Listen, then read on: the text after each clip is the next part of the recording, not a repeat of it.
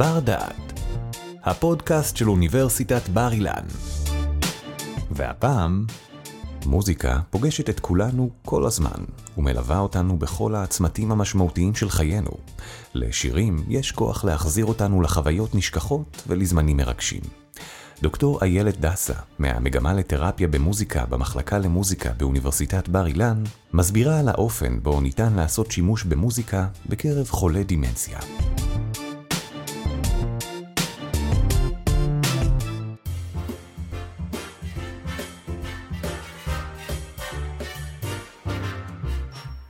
שלום וברוכים הבאים לבר דעת.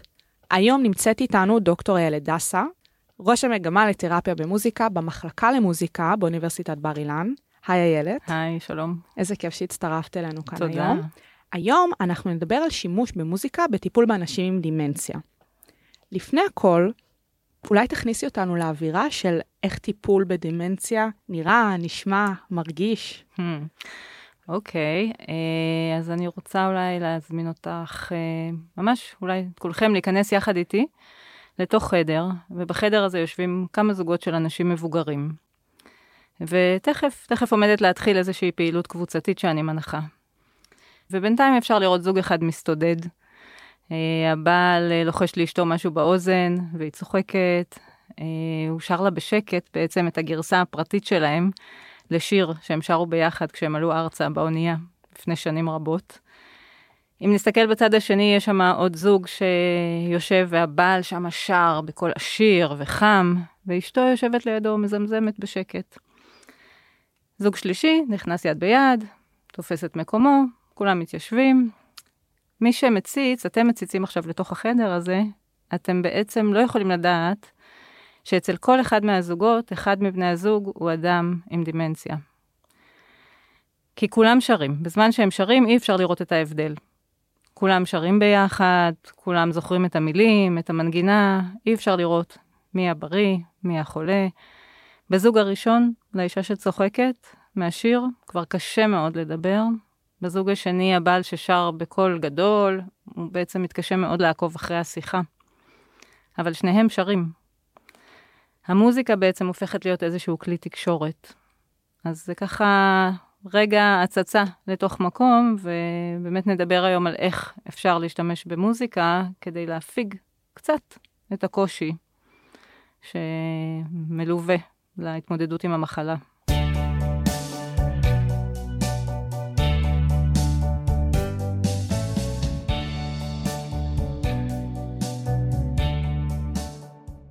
איילת, מה זאת דימנציה?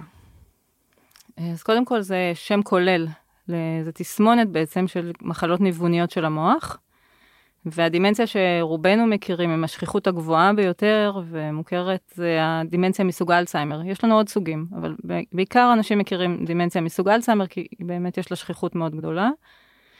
ואנחנו מדברים על תהליך uh, מתמשך, ארוך, לפעמים ארוך מאוד, של כמה שנים טובות, של אובדן uh, זיכרון בראש ובראשונה. אבל אם זה מתחיל עם אה, זיק... ככה דברים קטנים שאנחנו לא זוכרים, אם אנחנו לא זוכרים איפה חנינו את האוטו, אז אה, ככל שהמחלה מתקדמת, אנחנו גם לא זוכרים באמצע הנסיעה לאן אנחנו נוסעים, מה, איפה אנחנו.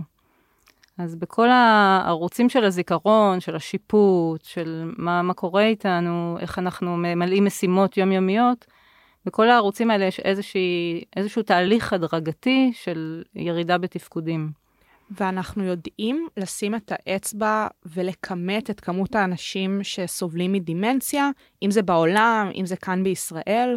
יש הרבה מאוד חולים, לצערי יש לנו כל הזמן uh, מדדים וצפי ב-2030 uh, מיליונים של חולים, אז יש הרבה מאוד חולים בארץ, אנחנו יודעים, שוב פעם, לא בהכרח uh, מכירים את כולם וכולם רשומים, אבל בארץ היום אנחנו יודעים שיש כ-150 אלף חולים. זה נשמע המון. זה המון. ביחס גם לחומרת נכון, המחלה. נכון. ועוד יותר חמור, שרובם נמצאים בעצם בבית, אז ההתמודדות היא מאוד לא פשוטה. זו התמודדות של מטפל עיקרי, שהרבה פעמים זה בת זוג, בן זוג שמטפלים, וזה אנשים מבוגרים בעצמם, שמתמודדים בעצמם עם מחלות אה, שהן מלוות, שנלוות לזקנה, ופתאום הם הופכים למטפלים. אז גם אם יש uh, עזרה בבית, עזרה של מטפל זר, זה, זה, זה לא משנה, עדיין ההתמודדות היא מאוד מורכבת, uh, ואם בן אדם לבד או אם אין עזרה, אז בוודאי שהקושי הוא מאוד מאוד גדול, ואנחנו רואים מטפל שקורס בעצם, uh, הרבה פעמים עסוקים מאוד באיך לשמור על המטפל, וזה גם חלק מהדברים שאני רוצה לספר עליהם היום, בעצם מה המטפל יכול לעזור, איך לעזור, איך לעזור למטפל להתמודד, כדי uh, באמת uh, להקל קצת על ההתמודדות הלא פשוטה הזו. הסברת גם בהתחלה שהעניין במחלה הזאת, בדימנציה, שזאת הידרדרות איטית. ניתן להסביר את האופן שבו המחלה הזאת הולכת ומחמירה עם הזמן? יש לנו שלבים שאנחנו יכולים uh, לראות אותם, יש uh, התחלה, אמצע ושלבים מתקדמים יותר, אבל בסופו של דבר זה מאוד אינדיבידואלי. אנחנו יכולים, יש לנו מדדים, יש לנו סולמות הערכה, אנחנו יכולים להגיד, הוא בשלב מתקדם, הוא בשלב לפי המאפיינים של המחלה ולפי סולמות הערכה, אבל בסופו של דבר לכל אחד הוא עולם בפני עצמו, וכל אחד יש לו את הקשיים שלו. אחת מההתמודדויות הקשות ביותר זה האובדן שפה. בעצם השפה, שוב, כמו שהזיכרון מחמיר לאורך זמן וההידרדרות מחריפה, אז ככה גם השפה הולכת ומדרדרת. לאט לאט נעלמת. וכן, ואז אנחנו בעצם נשארים בלי מילים. ובלי יכולת לתקשר באמת. ופה נכנסת המוזיקה.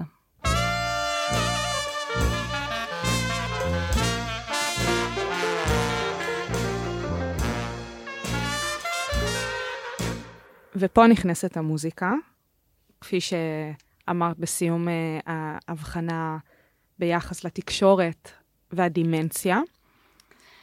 מה האופן שבו הבינו שאפשר לעשות שימוש בהקשר לטיפול באנשים שחולים בדימנציה? Uh, וואו, זה הרבה שנים אחורה, בעולם במיוחד, הרבה מאוד שנים. טיפול במוזיקה בכלל כדיסציפלינה קיימת משנות ה-60 של המאה הקודמת, uh, ששם באמת התחילו בבתי חולים ועם פצועי מלחמה. Uh, וזה גם הגיע, הגיע לעוד מקומות, גם לתוך בתי אבות.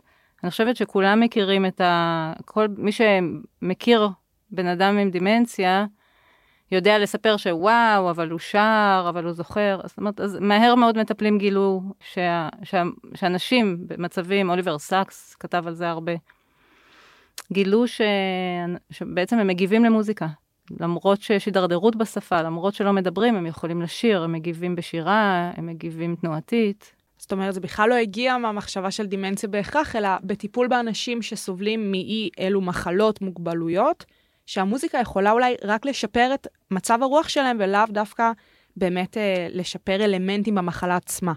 בדיוק, בדיוק. אבל ככל שהזמן חלף, אז יש הרבה מאוד מחקרים היום בעולם, אני גם שייכת לאיזושהי קבוצת מחקר בינלאומית, שמטפלים במוזיקה שזה ההתמחות שלהם. ומחפשים uh, כל הזמן גם את הדרך uh, לשלב את המוזיקה וגם לחקור בעצם איזה מאפיינים, איך, ה, איך השירה משפיעה על שפה, למשל, שזה מחקר שעסקתי בו. Uh, ממש מאפיינים של המוזיקה שמשפיעים בצורה ספציפית על דברים, על חוסר שקט, על, על שוטטות, על דיכאון, אז יש הרבה מאוד מחקר בתחום. מה שחשוב לעשות זו הבחנה בין שימוש לבין טיפול במוזיקה לאנשים שחולים בדימנציה. את יכולה להסביר את ההבחנה הזאת ולמה חשוב שהיא תהיה? כן, אני חושבת שטיפול במוזיקה, קודם כל יש לנו פה בבר אילן מגמה, מגמה לתרפיה במוזיקה, ובמגמה הזאת אנחנו מכשירים, מכשירים אנשים להיות מטפלים. זה אומר שהם לומדים uh, את כל ההשפעות של המוזיקה ומטרות טיפוליות ואיך להתאים בעצם לכל בן אדם את מה שנדרש עבורו. זו דיסציפלינה בפני עצמה, זו דיסציפלינה שדורשת uh, תואר שני, התמחויות. אבל uh, זה משהו אחר, זה דווקא משהו שאני פחות רוצה לדבר עליו היום, כי יותר חשוב, מאחר ויש כל כך הרבה חולים וכל כך הרבה אנשים שזקוקים, אנחנו כמטפלים משתדלים מאוד מאוד להגיע לחולים ולפתח תוכניות uh, התערבות שיגיעו uh, לכמה שיותר חולים. אבל uh, אפשר שיש, זה חשוב וטוב שיש מטפל במוזיקה, אבל זה לא מפחית מזה שבמקביל יכול להיות גם שימוש במוזיקה. ושימוש במוזיקה כל אחד יכול. תני דוגמאות למה זה בעצם אומר, שנבין באמת את ההבחנה בין הטיפול לבין השימוש. קודם כל, כולנו יכולים לשיר, כולנו שומעים מוזיקה, כולנו חשופים למוזיקה. כולנו בעצמנו מקשיבים ב, ביום-יום, רובנו לפחות, מקשיבים למוזיקה, ומוזיקה היא חלק משמעותי. בשביל הרבה אנשים בחיי היום-יום. גם נקודות ציון מסוימות שאנחנו יודעים לייחס אליהן מוזיקה או שירים או מנגינות מסוימות בחיים שלנו. בדיוק. אז למעשה, כל אחד יכול לשיר, וכל אחד יכול להשמיע מוזיקה לבן משפחה שלו. הוא לא צריך בשביל שמטפל יבוא ויתאים דברים. זאת אומרת, זה לא סותר את, המטפל מגיע, גם מה שאנחנו עושים הרבה פעמים ב, אה, כמטפלים במוזיקה, שאנחנו מגיעים הביתה לבית החולה, אנחנו בעצם אה, מסתכלים על כל, ה, על כל הסביבה. אנחנו לא עושים טיפול והולכים הביתה, אנחנו אה, בעצם רואים איך אנחנו יכולים להשאיר את המוזיקה לשימוש. זאת אומרת, אני מגיעה פעם בשבוע לבן אדם עם דימנציה, אני יושבת איתו, אני שרה, אני, אני משוחחת איתו, אני מאפשרת לו אולי גם להגיד משהו שלא תמיד אפשרי לו, על הכאב, על הקושי, על התסכול שהוא מרגיש. אה, אבל אני אחר כך גם בודקת מה, מי יושב איתו, אם יש אה, מטפל בבית או שאשתו אה, בבית, ואני משאירה לה פלייליסט. אני ככה עוזרת לה. ו... קווים מנחים ביחס לשימוש בדיוק, שהם יכולים לעשות בדיוק, בעצמם. מה הם יכולים לעשות במהלך השבוע, שהמוזיקה תמשיך לעבוד, כי אני מגיעה רק פעם בשבוע. מה המוזיקה בכלל עושה ומגרה אצל אותם חולי דימנציה, שבאמת אה, מהווה כל כך הרבה יתרונות ופתרונות לפעמים, שזה גם כל כך פשוט. מה התפקיד של המוזיקה? כן, אז קודם כל יש לה שני כוחות מרכזיים. מצד אחד, היא מרגיעה. היא יכולה להרגיע אה, חוסר שקט, היא יכולה להפחית התנגדות לטיפול. היא יכולה להרגיע אותנו כשאנחנו רוצים ללכת לישון וקשה לנו להירדם. זאת אומרת, יש לה אלמנט של הרגעה. מצד שני, ושוב, תלוי איזה מוזיקה נבחר, היא מעוררת. היא עושה בדיוק את ההפך. היא מעוררת, היא מעוררת אותנו לתנועה. כשאנחנו שומעים מוזיקה קצבית, הגוף אוטומטית נע למוזיקה. ריקודים. בדיוק. אז כל, ו, וכמובן גם היא מעוררת זיכרונות. אצל אנשים עם, אה, במצב של ירידה בזיכרון, עדיין הזיכרונות לשירים שמורים. אז היא מעוררת בעצם את, ה, את אותם זיכרונות ומעודדת לשיחה. אז היא מצד אחד מרגיעה, מצד שני מעוררת. וצריך לדעת מתי להפעיל את המוזיקה בשביל להבין איזה תגובה אנחנו רוצים כרגע לעורר. נכון, נכון. צריך אה, לראות מה, מה המטרה, תמיד לשאול מה המטרה. אבל אני חושבת עוד יותר, אה, ככה, רגע לפני שאנחנו מפעילים מוזיקה, ורגע לפני שאנחנו בוחרים מוזיקה, משהו מאוד מאוד חשוב שלא, שאנחנו לא מתייחסים אליו, זה באיזה סביבה קולית הבן אדם יושב, שזה מאוד מאוד משמעותי ויכול להשפיע בצורה מאוד חזקה על מצב, מצב הרוח שלו ומצב חוסר השקט שלו. כלומר? אנחנו יושבות עכשיו באולפן, שומעות היטב. הכל מאוד אטום עם האוזניות. הכל אטום, סטרילי, סביבה נפלאה. אבל uh, בחוץ אנחנו כולנו חשופים להמון רעש. נכון. ויותר ויותר רעש. ככל שהזמן אה, ככה, ככל שהמכונות והמכוניות וה... או בפקקים בכלל, כשאנחנו בפקקים, יושבים באוטו ומאזינים. בדיוק. המון, המון המון רעש. והסביבה הזאת, אנחנו יכולים לווסת את, את הרעש, יש לנו יכולת, אבל במצב של ירידה קוגניטיבית, אין יכולת להבין ולתת שם לדברים שאני שומע. אם, אם אנחנו נשמע כרגע משהו נופל בחוץ, אנחנו פשוט נרוץ, נראה שנפל איזה מדף ונירגע. נכון. בן אדם שיושב עם דימנציה, הוא לא, הוא לא מצליח לפרש, הוא גם לא, בטח לא יכול רגע לרוץ לראות מה קרה בחוץ. הוא לא מפרש את הרעשים והקולות. ואם צועקים סביבו, ואם uh, הטלוויזיה שדולקת, ומשדרת לנו פה במיוחד בארץ נונסטופ uh, אסונות, בחזרתיות, הוא חווה את זה כל פעם מחדש, הוא לא מבין מה קורה, למה עוד, מה קרה, למה, מה, מה עוד פעם קרה. אז כל הסביבה היא יכולה להיות מאוד מעוררת המון המון חוסר שקט. אפשר לראות את זה בקלות. שמסתכלים רגע מהצד, עושים איזה מין סוג של תצפית רעש, אני קוראת לזה, ומסתכלים באיזה סביבה הבן אדם יושב. וכמה, ברגע שאנחנו מנטרלים, מספיק לסגור את הטלוויזיה או את הרדיו שמטרטר בצד השני, או את הצעקות שהוא לא מבין, למה צועקים, הוא נבהל, מה, מה קרה, למה צועקים. מספיק לנטרל את כל אלה כדי כבר להפחית עוד לפני שהשתמשנו בכלל במוזיקה, להפחית את חוסר השקט. את הגירויים, כדי שבעצם השימוש במוזיקה שבה אנחנו נבחר בסופו של דבר לעשות את השימוש בה, יהיה המיטבי ביותר. בהחלט, וגם כדי בסופו של דבר לספק לו סביבה שהיא מותאמת. סביבה רועשת שהכל אה, סואן מסביב, היא לא מותאמת לבן אדם שקשה לו, קשה לו ככה לאסוף את כל הדבר הזה.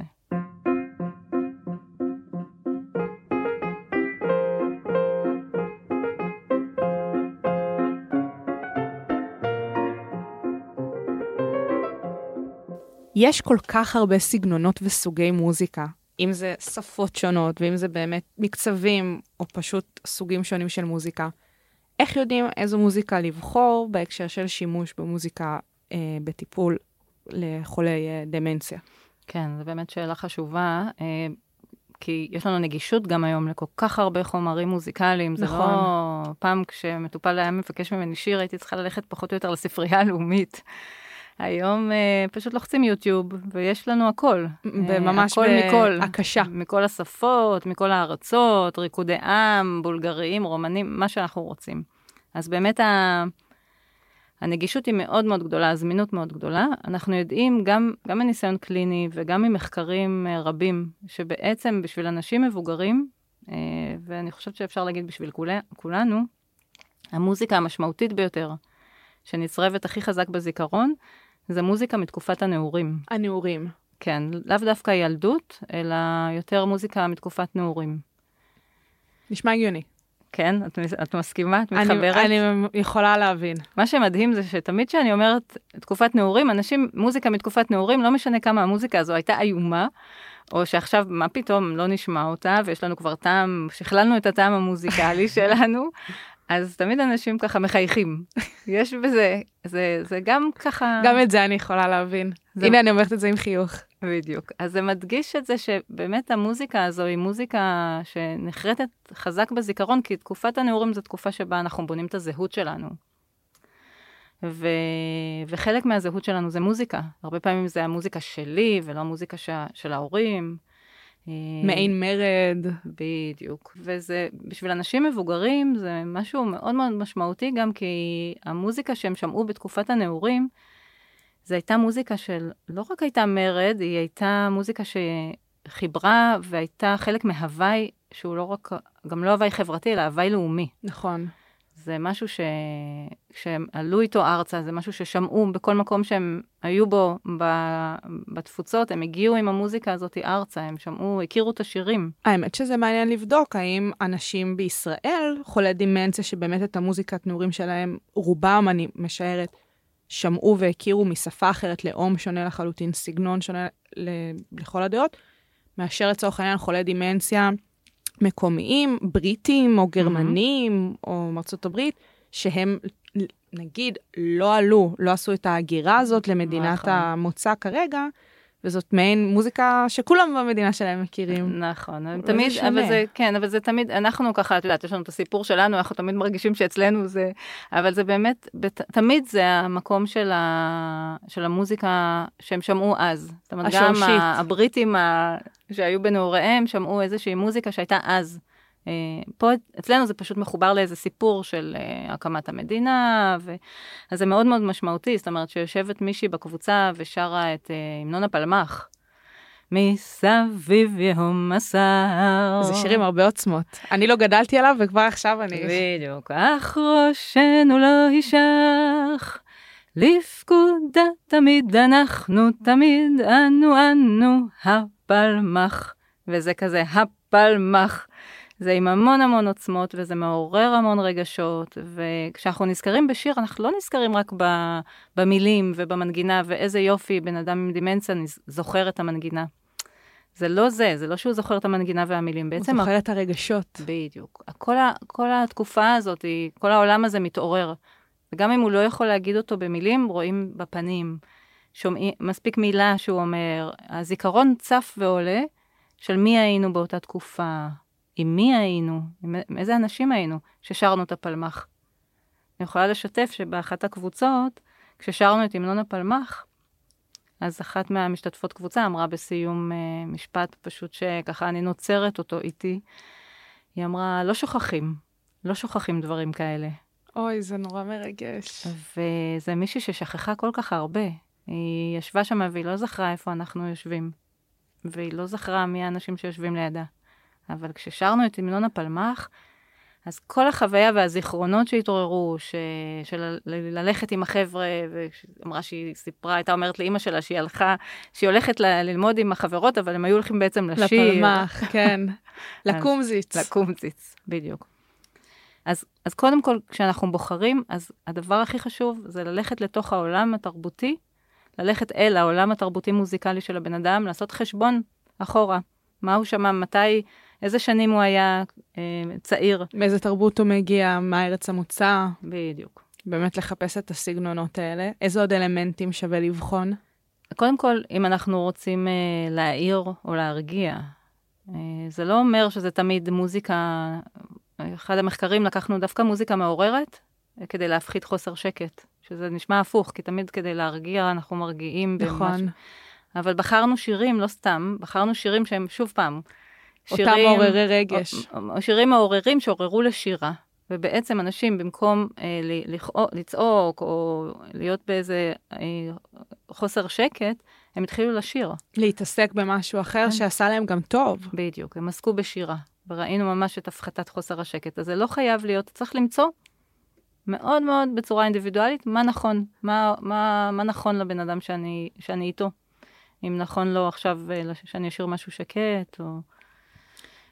אבל אנחנו בעצם ככה מדברים, אפשר לשיר, ואפשר להשמיע מוזיקה, אה, ולשירה יש השפעה מאוד מאוד חזקה. מעבר לזיכרונות, השירה בעצם מקושרת לנו לחוויות של חום, של קרבה, של אחדות. של, נכון, זה שייכות, בדיוק. אבל גם, אני תמיד אומרת שמי ששר לנו, לא בא לעשות לנו רע.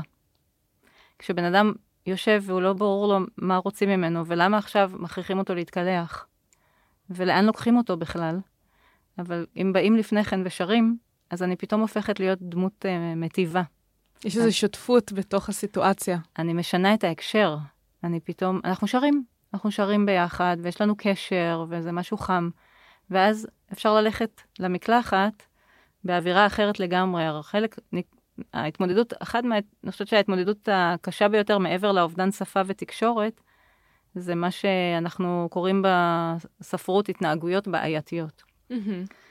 עכשיו, יש משהו שאני מאוד לא אוהבת בהגדרה זה הזו. נשמע קצת צורם, נכון. אז uh, אני ככה מציעה אולי להסתכל על זה כהתנהגות מאתגרת. ואיך אפשר לפתור את האתגר הזה? בדיוק. זאת אומרת, יש לי פה איזשהו אתגר, כי ברור שבן אדם נמצא באיזושהי מצוקה. הוא לא סתם, אם, אם בצדק הוא מתנגד כרגע שאני אקח אותו למקלחת, אני אישה זרה, הוא לא מבין מה אני רוצה. מבחינתו אני אישה זרה. יכול להיות שאני בדיוק. הבת שלו. בדיוק. אבל מבחינתו אני אישה זרה. בדיוק. ו- ומבחינתו הוא גם לא מבין את, את ההקשר או מה קורה. אז ככה, יש פה, עולה, עולה פה איזשהו קושי, שאנחנו יכולים להפחית בעצם את ההתנגדות לטיפול דרך זה שאני מגיעה לפני כן. זה תמיד, ההתערבות היא חשובה שהיא תהיה התערבות של מניעה. לא, אה, לא עכשיו שהוא בשיא הכעס וה, והעצבים, אני עכשיו מגיעה ומתחילה לשיר, אני רק אעצבן יותר. השימוש במוזיקה שווה שיהיה רק נקודתי לאותם מקרים שאנחנו צריכים עכשיו באמת אה, לייצר את אותה מניעה, או שתמיד יהיה רדיו טרנזיסטור שמנגן ברקע, ומדי פעם להשתמש באותם השירים, אותן המנגינות שמעוררות את אותו הטריגר שיכול באמת אה, להביא אה, לפתרון אה, אותה בעיה ספציפית שאנחנו רוצים למנוע.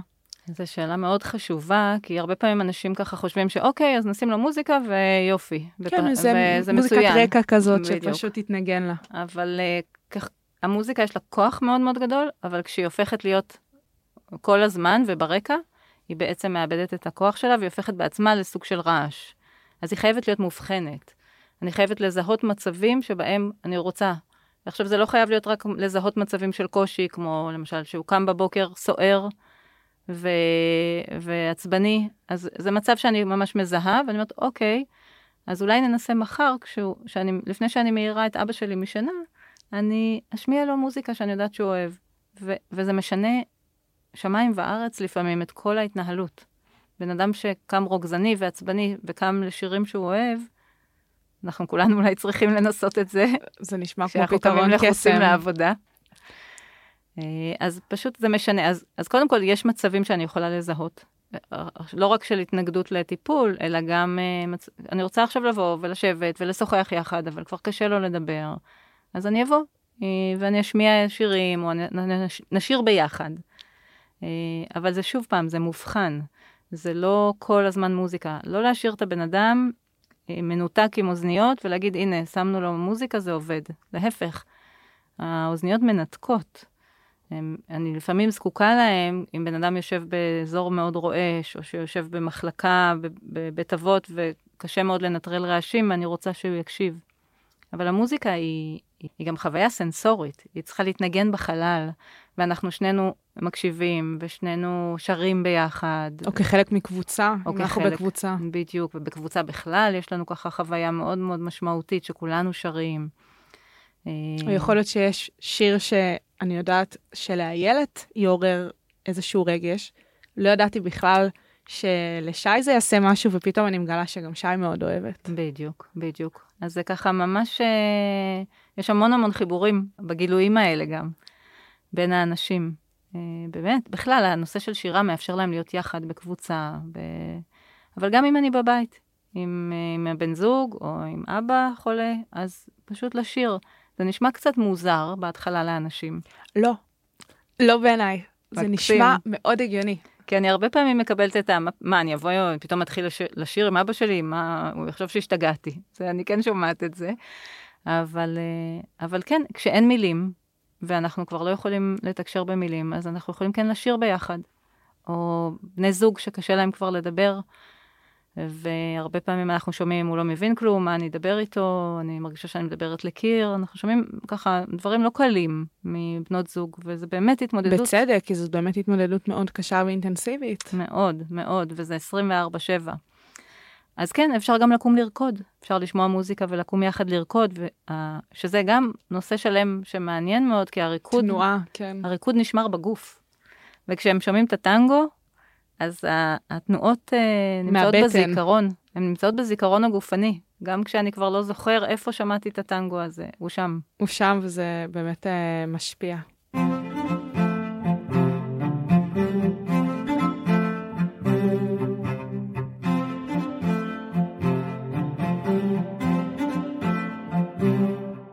מה אנחנו לוקחות איתנו מהשיחה ומהנושא של שימוש במוזיקה למטופלים וחולים בדימנציה?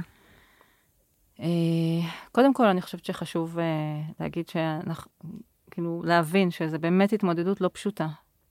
אה, היא מורכבת לא רק ברמה הטכנית, היא רגשית מאוד מאוד כואבת, ומאוד קשה לראות את הבן משפחה, את המישהו שהכי קרוב, בן זוג שאת חיה איתו 60 שנה, פתאום הולך ומאבד יכולות. אז uh, באמת התמודדות לא פשוטה, וזה בעצם מצריך uh, למידה של איזושהי שפה חדשה. כמו שאנחנו מגיעים uh, לחו"ל, ואף אחד לא מדבר את השפה שלנו. אז כשאנחנו נכנסים לעולם הזה של דימנציה, אנחנו צריכים ללמוד שפה חדשה. ואני בעצם באה ואומרת, בואו, תיקחו את המוזיקה ככלי שיכול לעזור לכם בהת... בהתמודדות עם העולם החדש, עם המצב החדש הלא פשוט הזה שנקלעתם לתוכו. אז אפשר להשתמש בה בצורה מובחנת, אה, בנקודות, כדי להרגיע, כדי להפחית התנגדות לטיפול, כמו שאמרנו. אה, אפשר לא, להשתמש בה כדי לעורר, לעורר לש, ככה לשיח, לשירה משותפת. אה, מה שחשוב באמת זה לזכור שהיא ככה יכולה לעזור לנו בהרבה מאוד מצבים, ולפעמים שאנחנו ככה אבודים לגמרי ועומדים בפני איזה מכשול, אז להסתכל על זה כאיזשהו אתגר ולפצח אותו, להגיד, רגע, אולי אני אשיר, אולי זה ירגיע, אולי זה יעשה משהו.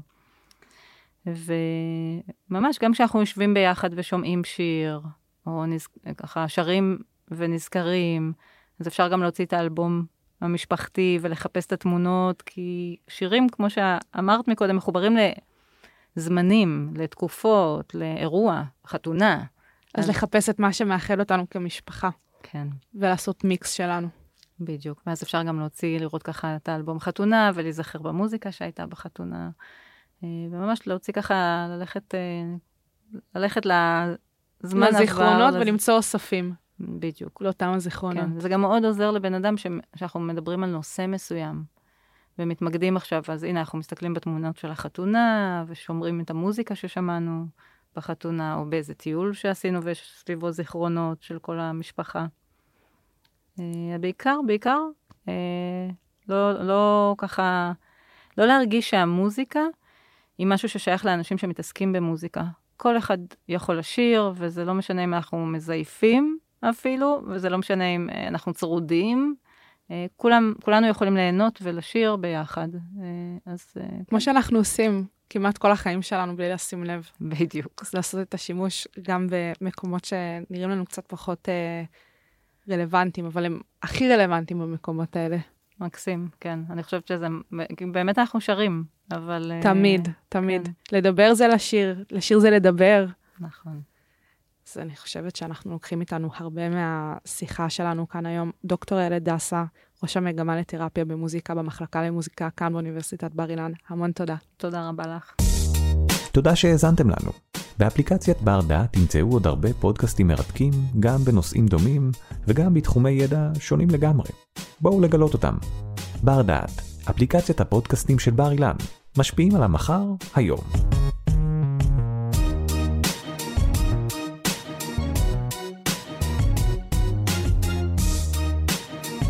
ערך והפיק אורי טולדנו.